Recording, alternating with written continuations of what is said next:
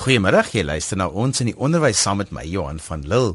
Vandag gesels ek met Dr. Isanet van Skalkwyk. Sy is verbonde aan die Noordwes Universiteit met die satellietkampus te Wellington.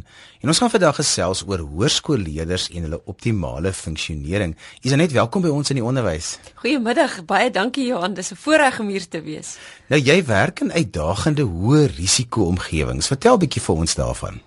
Ja, dit is 'n besondere voorreg vir my ook. Um, ek het ek is letterlik elke dag daar en ek werk spesifiek in die skoolgemeenskappe nadat ek uh, my doktorale verhandeling voltooi het wat gemik is op uh, hoërskoolleerders, adolessente. As ek nou sê hoërskoolleerders, adolessente, uh, um, omtrent so ja, van van van die 10-jarige ouderdom mos. En toe was dit vir my baie baie belangrik maar hierdie klomp inligting kan mos nou nie net ehm um, soos maagte op die rak sit nie wil ek amper sê en en en en dit moet dit moet oorgaan in toepassing, dit moet gebruik word. En ehm um, ek het eh, kontak uh, kon maak met belangrike wat ons noem gatekeepers in die gemeenskap en en en en die deure is oopgemaak vir my. En aanvanklik het ek net begin met spesifieke eh, eh, ehm uh, um, uitreik van van wat wat is nodig? Wat is nodig vir 'n 'n 'n 'n jong mens wat in 'n soos ons nou gesê het uiters uitdagende of wat ek sommer sê giftige omstandighede groot word. Maar wat is nodig vir hierdie self om dan so sterk moontlik te wees om uh om te kan funksioneer. En toe het hulle gesê maar wow, ons kan sien die impak van hierdie projek is groot. En, en van daar uit het vele vele ander projekte op die oomblik is dit iets soos 20 projekte waarmee ons besig is. Wat beteken hoë risiko omgewings? Ja, dit is daai dinge wat ons lees in die koerante wat ons hare laat regop staan. Soos ehm, 'n um, leerder, ons het gelees verlede week in die koerant ook, 'n 16-jarige leerder wat dood is as gevolg van bende geweld. Ons ons lees van van mense wat so arm is en daardie ontmagtiging van kindertjies wat 2 jaar oud is en stoei vir 'n stukkie brood. Met ander woorde en dan die impak dat dat daar nie die mooi speelgoedjies is nie, dat daar nie die lekker uh, vertroosting altyd is nie, dat daar nie noodwendig altyd huisgesinne is waar 'n mamma en 'n pappa is nie. Wat jy tieners kry wat wat swanger is. Dis so kan ek dit neem dat jy skool toe stap en dit is nie noodwendig veilig nie. Jy word verkrag op pad skool toe. Ehm um, en daardie vrees, die wat waarmee ek nou leef, wanneer wanneer gebeur dit miskien weer. So kom ons sê dood eenvoudig baie armoede, baie onveiligheid, baie steel, uh, baie vrees. Ja, want daar's maar groot uitdagings vir 'n onderwysleier wat in so 'n hoë risiko omgewing moet skool hou. Baie van ons leerkragte gee in 'n omgewingsskool waar dit veilig is en waar hierdie goeters nie eenvoudig net gebeur soos dit moet gebeur en eh, mense is eintlik nie so bewus van die hoë risiko nie, maar daar's baie uitdagings vir 'n hmm. vir 'n onderwyser wat in so 'n hoë risiko omgewing moet skool hou. Hmm. Ja, beslis dit het ons ook gevind met navorsingsprojekte wat gaan aangaan dat al woon die meeste opvoeders nie in in so hoë risiko gemeenskap nie. Hierdie hierdie opvoeder moet sorg dat sy of haar persoonlike wat ek sê persoonlike krag, kom ons sê nou maar mental health, nê, nee, dat hulle persoonlike krag sterk is. En dan natuurlik moet ons weet dit gaan nie outomaties sterk bly. Die feit dat dit 1 Januarie sterk is beteken nie dit is uh 1 Julie steeds sterk nie want dit is nie stabiel noodwendig nie. Jy's dit waarna ek blootgestel is. So dis 'n baie belangrike ding die opvoeder en dit is die opvoeder se verantwoordelikheid. Ek moet sorg dat my persoonlike krag sterk is en sterk bly. En dit is 'n uh, baie belangrike wete maar ook dan natuurlik die keuse. Hoe gaan dit gebeur? My ouma het altyd gesê 'n mens raak moeg van sterk wees. Ja. nou daar's 'n term wat sê skole word as enabling spaces gesien. Wat word daarmee bedoel want ek het nie eens 'n Afrikaanse woord daarvoor nie. Ja, as ons weer kyk baie maklik in terme van 'n hoë risiko omgewing, maar maar maar maar oral in die wêreld wil ek sê, in die eerste plek dat dit 'n plek is waar ek veilig is en nie bedoel ek nou doodgewoon fisies veilig is. Iemand uh, gaan my nie bully nie, as ek nou weer daardie vreeslike woord kan gebruik en bullying weet ons uh, dis uh, vreemd, dit kom steeds toenemend voor in alle skole, maar ek is veilig. Ek hoef nie bang te wees om enige plek te gaan nie so die fisiese veiligheid in terme van ek gaan nie verkrag word nie maar dan natuurlik kyk ons meer na ruimtes wat 'n gesonde verhoudings is. Um nie misbruik van van mag nie en en die die rykdom van verhoudings wat daar gebeur wat goed is en um die baie baie belangrike ding hier. Ek ek kom ek fokus nou maar eers op wat ons sê verhoudingswelstand in Engels relational well-being. Wat dit bemagtigende verhoudings is waar mense sê, "Maar ek glo in jou en ek bemoedig jou." En want dit is hele tyd ek kom met my pakkie, die opvoeder kom met sy of haar pakkie. Uh, ek verteenwoordig nog my ouer huis ook en wanneer ons dan nou die oomblik wat ons mekaar in die oë kyk en môre sê, hierdie hele kompleksiteit wat gebeur nou? Ehm um, is dit goed of is dit nie goed nie? So as ons doodgewoon kyk na daai paar aspekte van van 'n bemagtigende omgewing. En vir my in Suid-Afrika is dit so 'n heerlike wete, want dit waaroor ons nou gepraat het van 'n bemagtigende verhouding kos niks geld nie. So schools as enabling spaces in Suid-Afrika is moontlik vir alle skole of van min of baie geld is. Nou ons wil vandag spesifiek praat oor hoërskoolleerders en hulle optimale funksionering. Maak nie saak uit watter gemeenskap hulle uitkom nie. Wat bedoel ons as ons sê optimale funksionering binne die konteks van hoërskoolleerders? Optimale funksionering is 'n spesifieke kenmerk van wat as ons praat dan van van welstand. Die Engelse woord well-being. Ek hou van die well-being want dit beteken weer eens, dis dis nie 8/10 die hele tyd nie. Dit gaan op en af skuif. So as kyk na 'n kontinuum en die die bo-punt hiervan ehm um, behels optimale funksionering. So wat wat is nodig dat dit kan gebeur want weer eens dis nie outomaties nie. Ehm um, dis die genetiese faktore speel 'n rol, omgewing speel 'n rol, my besluite speel 'n rol, al die al daardie dinge. Maar optimale funksionering is daardie hoë vlakke van welstand. Maak nie saak in watter omgewing jy is nie. Presies. Doelbereiking is een van die dinge wat 'n groot rol speel by optimale funksionering. Kan jy dit vir ons leerkragte verduidelik? Ja, dit is so goed om te kan sê uh, uh, in my navorsing waar ek in gesprek was met met met hoërskoolleerders, met adolessente. En hulle was baie duidelik. Hulle het baie duidelik hieroor gewees en gesê, maar um, ek wil weet dat ek 'n doel in die lewe het. En ek wil weet dit waarmee ek nou besig is. Hierdie interaksie in die klaskamer situasie of buite op die speelveld of selfs as ek die, net die skoolgronde binne stap. Hierdie interaksie is nou op hierdie oomblik. Daarom is die daaglikse interaksie so belangrik. Ehm um, dit dit is besig om my in staat te stel. Dit is besig om vir my te te help dan as ek so kan sê, sodat ek kan weet ek het 'n doel in die lewe en dit waarmee ek nou besig is, is sodat hierdie doel gebeur. En natuurlik is dit ook belangrik om te weet, ehm um, ek gaan nie eendag optimaal funksioneer nie. Dit moet nou reeds gebeur. Elke uur in die nou van hierdie dag. Is dit net maar net aan die teenkant daarvan kry ons iets en dit is my verskriklike woord om te gebruik, maar ek het ook net 'n Engelse woord daarvoor waar hulle praat van 'n failed future. As jy dit nou in kontras moet bring met doelbereiking. Mm. Dit is so goed dat ons ook hierdie negatiewe van funksionering in die oë moet kyk want as ek weet wat dit is dan dan weet ek ook mos bly weg daar. Maar dit is weer eens 'n uh, adolessente wat vir my gesê dit is die ervaring van maar ek maak net nie saak nie. Reese Witherspoon deur die tyd toe sê Oscar kry en hulle vra van wat is daai ding wat vir jou jou lewe rig? Toe sê sy my ouma het altyd vir my geleer I matter.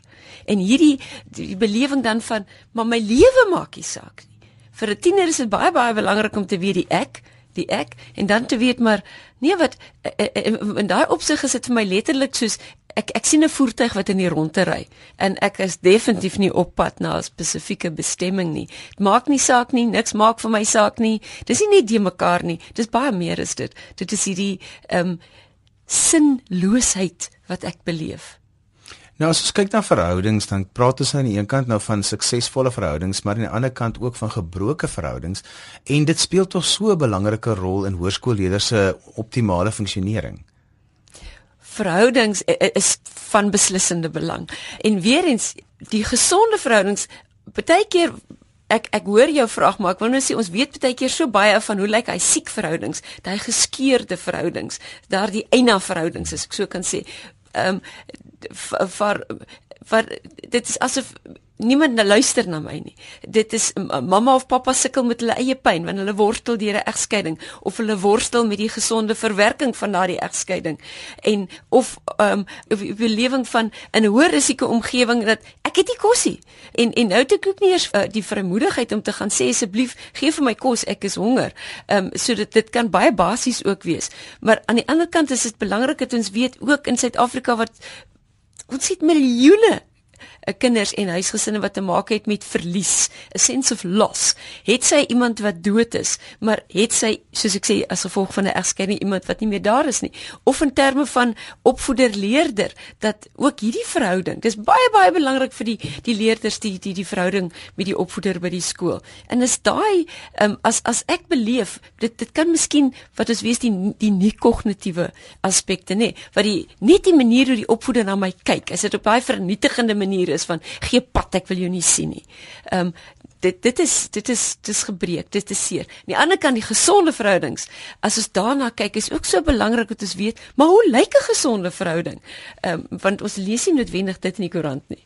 Hoe kan ek as 'n onderwysleier of as 'n onderwyser vir kinders dan hierdie meer met hulle oor gesonde verhoudings gesels en dit by hulle tuis bring vir al die gemeenskap nie dit ondersteun nie? Hmm.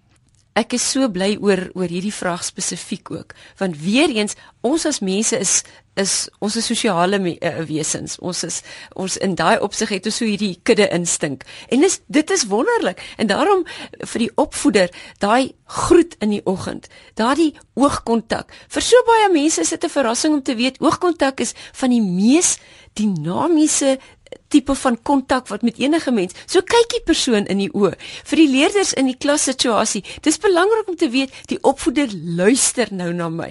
Ehm um, sy of hy is nie nou net besig sommer om iets anders reg te pak nie, want dit wat ek op hierdie oomblik sê, al is dit twee sinne in daai hele dag in die klassituasie. Dit is vir my van die allergrootste belang en natuurlik so word daardie daardie selfwaarde weer gebou. Die program is ons in die onderwys en ek is Johan van Lille. Vandag gesels ons oor hoërskoolleerders en optimale funksionering. Om hieroor te gesels het ek vir Dr. Isanet van Skalkwyk wat verbonde is aan die Noordwes Universiteit Satellietkampus te Wellington. Isanet, ons het nou al 'n bietjie gesels oor doelbereiking en verhoudings in die eerste deel van die program. Ons het gepraat oor wanneer daardie verhoudings ehm um, suksesvol is, maar ook wanneer dit nou minder suksesvol is. Maar rolmodelle is iets wat ek al hierdie jaar 'n paar keer opgetel het uit verskeie gesprekke, mm.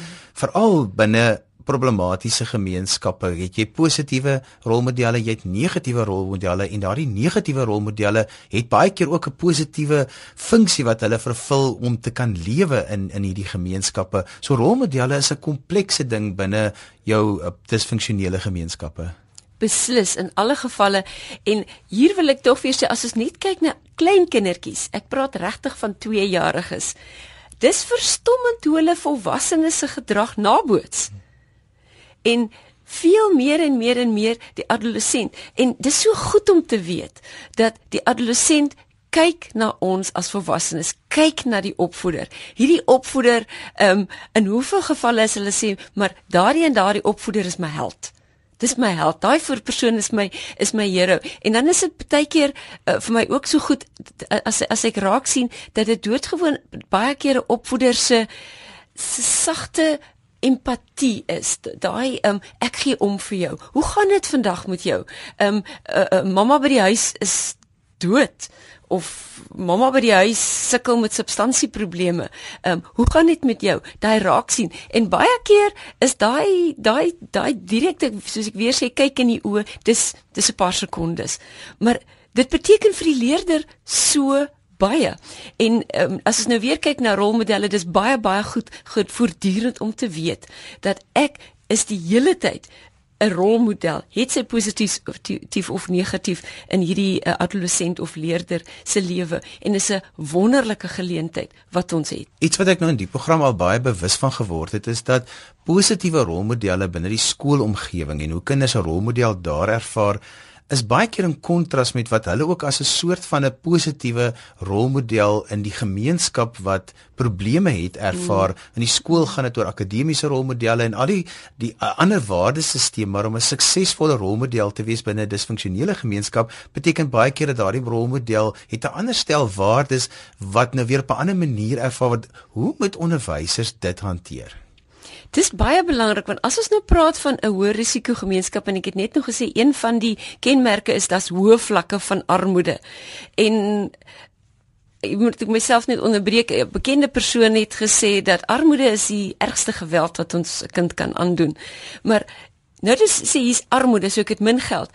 'n Bendeleier, 'n suksesvolle bendeleier is gewoonlik nogal ryk. Hy het baie, baie geld, hm. nê? Nee? Ons het so baie te doen met substansies, die verkoop van substansies. Daai bendeleier het miskien baie geld omdat hy baie substansies verkoop. En dis hoekom ek sê dit so belangrik is ons moet weet wanneer is 'n gesonde rolmodel en wanneer is daar 'n 'n siek of of 'n disfunksionele een. En en om die rede en ek weet in die skoolstelsel en dit ek ek onderskryf dit en dis een van ons projekte ook daar moet 'n gesonde stel waardes wees daar moet wees om te sê met ander woorde as ons praat van voortreffelikheid die Engelse excellence hoe word dit bereik want jy kan iemand wees wat sê ek is 'n excellent bendeleier Definitief. Hulle het absoluut 'n vreesbeleid. Ons het met hulle te doen in die gemeenskap waar ek die voorreg het om om te werk dan.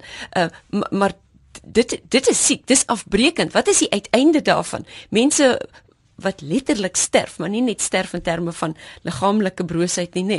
So daarteenoor dat ons kan sê, goed, hoe lyk skoolsukses waar ek as 'n positiewe rolmodel dan funksioneer in die dinge van bemoediging, van bemagtiging, van ehm um, respek. Ek het respek vir jou. So baie van ons leerders dink ehm um, soos die bendeleier. Hy verwag respek. Respek is geweldig belangrik by hulle. Ons ons het navorsing ook nou hieroor gedoen. Respek is belangrik daar, maar hy definitief 'n ander kleur as binne gesonde verhoudings. So gesonde verhoudings dat die opvoeder teenoor die leerder ook weer modelleer hoe lyk respek en nie ehm, 'n um, geval van as jy dit nie betoon nie skiet ek jou dood eenvoudig dood. So dis nog 'n uitdaging vir onderwysers om positiewe rolmodelle met kinders te bespreek en dan vir hulle te wys op hierdie waardesisteme want die oomblik as jy daai rolmodel begin aanval dan is daar by die kinders ook heeltemal eh, anderste reaksies wat mens baie keer verwag. Ek wil natuurlik daarmee saamstem maar wat nou nog verder interessant is as ek 'n tree kan teruggee ons praat van adolessente en dit is so 'n besondere fascinerende leeffase. Adolessente wat uit die aard van die saak daar waar hulle is in fases van ontwikkeling gaan vra vra. Met ander woorde die opvoeder wat kom en sê die opvoeder het nou al lankal hierdie dinge deurgewerk en die opvoeder het nou al lankal hierdie dinge deurdink en uh, daar sê of haar spesifieke opleiding. Maar die leerder wat kom en sê hoekom moet ek dit doen? Daai goeie hoekom wat 'n mens baie keer ook so vies maak. En dan weer eens dat die opvoeder sal weet van waar kom hierdie vraag? Is dit regtig waar dat hierdie leerder sommer net nie weet van gesonde respek nie of is dit 'n eerlike soeke? Help my asseblief omdat ek uh um vir die res van my lewe wil weet waarom gaan respek? Waarom gaan gesonde liefde? Gesonde liefde. Want ons weet seksuele kontak um is nie noodwendig gesonde liefde nie. Watter wenke het jy vir opvoeders oor hoe om die verhouding te handhaaf met leerders waar substansies of dwelms 'n groot rol speel binne die leerder se se lewe? Dit maak dit baie kompleks want 'n opvoeder word baie gou bewus van hierdie probleme en dan wil 'n mens tog moet na die kind optimaal laat funksioneer. Jy wil hom help, jy kan hom ons nie daar mm. los nie. Mm. En dit binne in so disfunksionele gemeenskap waar dit hoë risiko's is, dit 'n groot probleem want die goed is so beskikbaar dit is beslis so navorsing hier wat ook gewys het die opvoeder wat met hierdie leerder in die klasruimte weer eens daai spesifieke space te maak het, ehm um, daar's geweldige uitdagings. Geweldige uitdagings vir die verhouding. Want nou baie keer ook is hierdie leerder ehm um, se optrede in die klassituasie 'n probleem. Hierdie leerder kan baie maklik die hele klas ontwrig. Die leerder is nie so lekker by nie. Die leerder is halfpad aan die slaap. Ehm um, die leerder is doodgewoon. Daar's daar's daar's nie gesonde tekens van van respek nie. Met ander woorde, jy het 'n groot klas. Daar kan maklik 45 leerders in die klas wees en nou het jy nou nog hierdie leerder wat dit regtig baie moeilik maak. So hierdie uitdagings wat wat ons uh, in die, in die oë moet kyk en dan belangrik wat ons gekry het hierso is die opvoeder moet weet wat is my sterktes hierso? Wat is my vaardighede hierso? Hoe verstaan ek dit? Hoe kan ek hierdie leerder um, dan nou ondersteun? Dit dit ons gevind is baie belangrik. Um, ek wil weer terugkom hierso na die opvoeder. Die opvoeder moet weet my persoonlike krag, my eie gesondheid as ek so na kan kyk, moet ek die hele tyd monitor en ek moet ook die hele tyd doelgerig dit uitbou. My gesondheid gaan nie net uh, um goed wees die hele tyd nie. En veral as ek te maak het met hierdie leerders in die hoë risiko gemeenskap, dis vir my so vertroostend in 'n sekere sin, die goeie verstaan van baie opvoeders. En baie van hulle het gesê um iemand van my familie sukkel met substansies en daarom het ek 'n baie goeie begrip. Ek het 'n goeie verstaan waarmee jy worstel en dan natuurlik is dit nou weer hierdie bemagtiging dat die opvoeder kan sê vir die leerder Hoe kan ek vir jou ondersteun? Maar aan die ander kant is dit ook baie duidelik dat die opvoeder vir die leerder sal sê, dit is die grens. Dit is die grens. Hier en binne hierdie grense kan ek vir jou ondersteun, maar daarbuiten moet jy dan ook weet, ek kan nie altyd toelaat dat jou werkopdragte laat is nie. Ek kan nie altyd net dat jy ehm um, 'n lawaai opskop nie. Ek kan nie altyd dat jy net so baie daar afwesig is by die skool nie. So dit is baie baie belangrik die opvoeder wat hierso dan sê dit en dit is die bepaalde ek wil amper sê beleid wat ek het binne die beleid van die onderwysdepartement wat daar is. Ja, want baie keer is hierdie leerkragte wat in hierdie omgewing onderwysers wat in hierdie omgewing skool hou is amper soos vuurtorings en mishorings. Hulle is mm. vir die kinders wat aan wie die kinders vasklou mm. en hulle moet baie meer doen as net om vir die kinders te leer en voor te berei vir die matriekeksamen. Hulle is baie keer die enigste veilige vestings van hierdie kinders. Is dit hoe jy dit ook ervaar? Beslis en daar's baie stories, baie baie stories en ek wil weer sê aanvanklik toe ek ook navorsing gedoen het saam met 'n rehabilitasie sentrum daar in Kommetjie en hulle het werklik waar 'n pragtige pragtige ligtoring daai en dit is so, dit is so en wat ons ook vind by die hoë risiko omgewings, die meeste huisgesinne die meeste is dan nie 'n mamma en 'n pappa nie. Uh, met ander woorde dit is dit is enkel ouer en dan baie keer daar is dit nie gesonde ruimtes nie. So die rol van die opvoeder en ek weet ons gaan almal sê maar luister dis 'n nou ou inligting. Dis net weer eens dit word weer eens in oor en oor getoon hoe belangrik is die opvoeder-leerder verhouding en presies soos jy nou gesê het hierdie weet jy jy's baie belangrik. Weet jy, ek glo in jou. Weet jy, ek is hier vir jou en daai hand uitsteek. Dis van die allergrootste belang. En dan natuurlik ek werk baie graag ook as as ek nou kan sê die kop die die konsep van die Engelse resilience of Afrikaans veerkragtigheid. En dit beteken dat een persoon, partykeer is dit een persoon en partykeer is dit 'n opvoeder dan wat sê ek is daar vir jou, ek glo in jou en dat hierdie leerder tog op 'n manier wegkom van selfhaat na 'n stukkie van ek het waarde. Is net ons tyd is verby. So laaste gedagte wat jy vir uh, opvoeders het oor hoe om hulle hoërskoolleerders tot optimale funksionering te lei. Dankie dat jy 'n toegewyde opvoeder is. Dankie dat jy 'n opvoeder is met 'n roeping. Dankie dat jy 'n opvoeder is wat elke dag daardie skoolruimte binne stap met hoop en dat jy dit leef dat dit nie net gepredik word nie maar dit werklik waar in die opvoeder se sê en dink en doen gebeur. Dis dan alwaar vir ons tyd het vandag. Onthou jy kan weer na ons in die onderwys luister as 'n pot gooi. Laai dit af by rsg.co.za. Skryf gerus vir my indien jy enige navrae het oor die program of my gaste se kontakbesonderhede verlang. My e-posadres is Johan@wwd.co.za. Dankie dat jy na ons in die onderwys geluister het hier op RSG 100 tot 104 FM. Vir my Johan van Lille tot 'n volgende keer. Totsiens.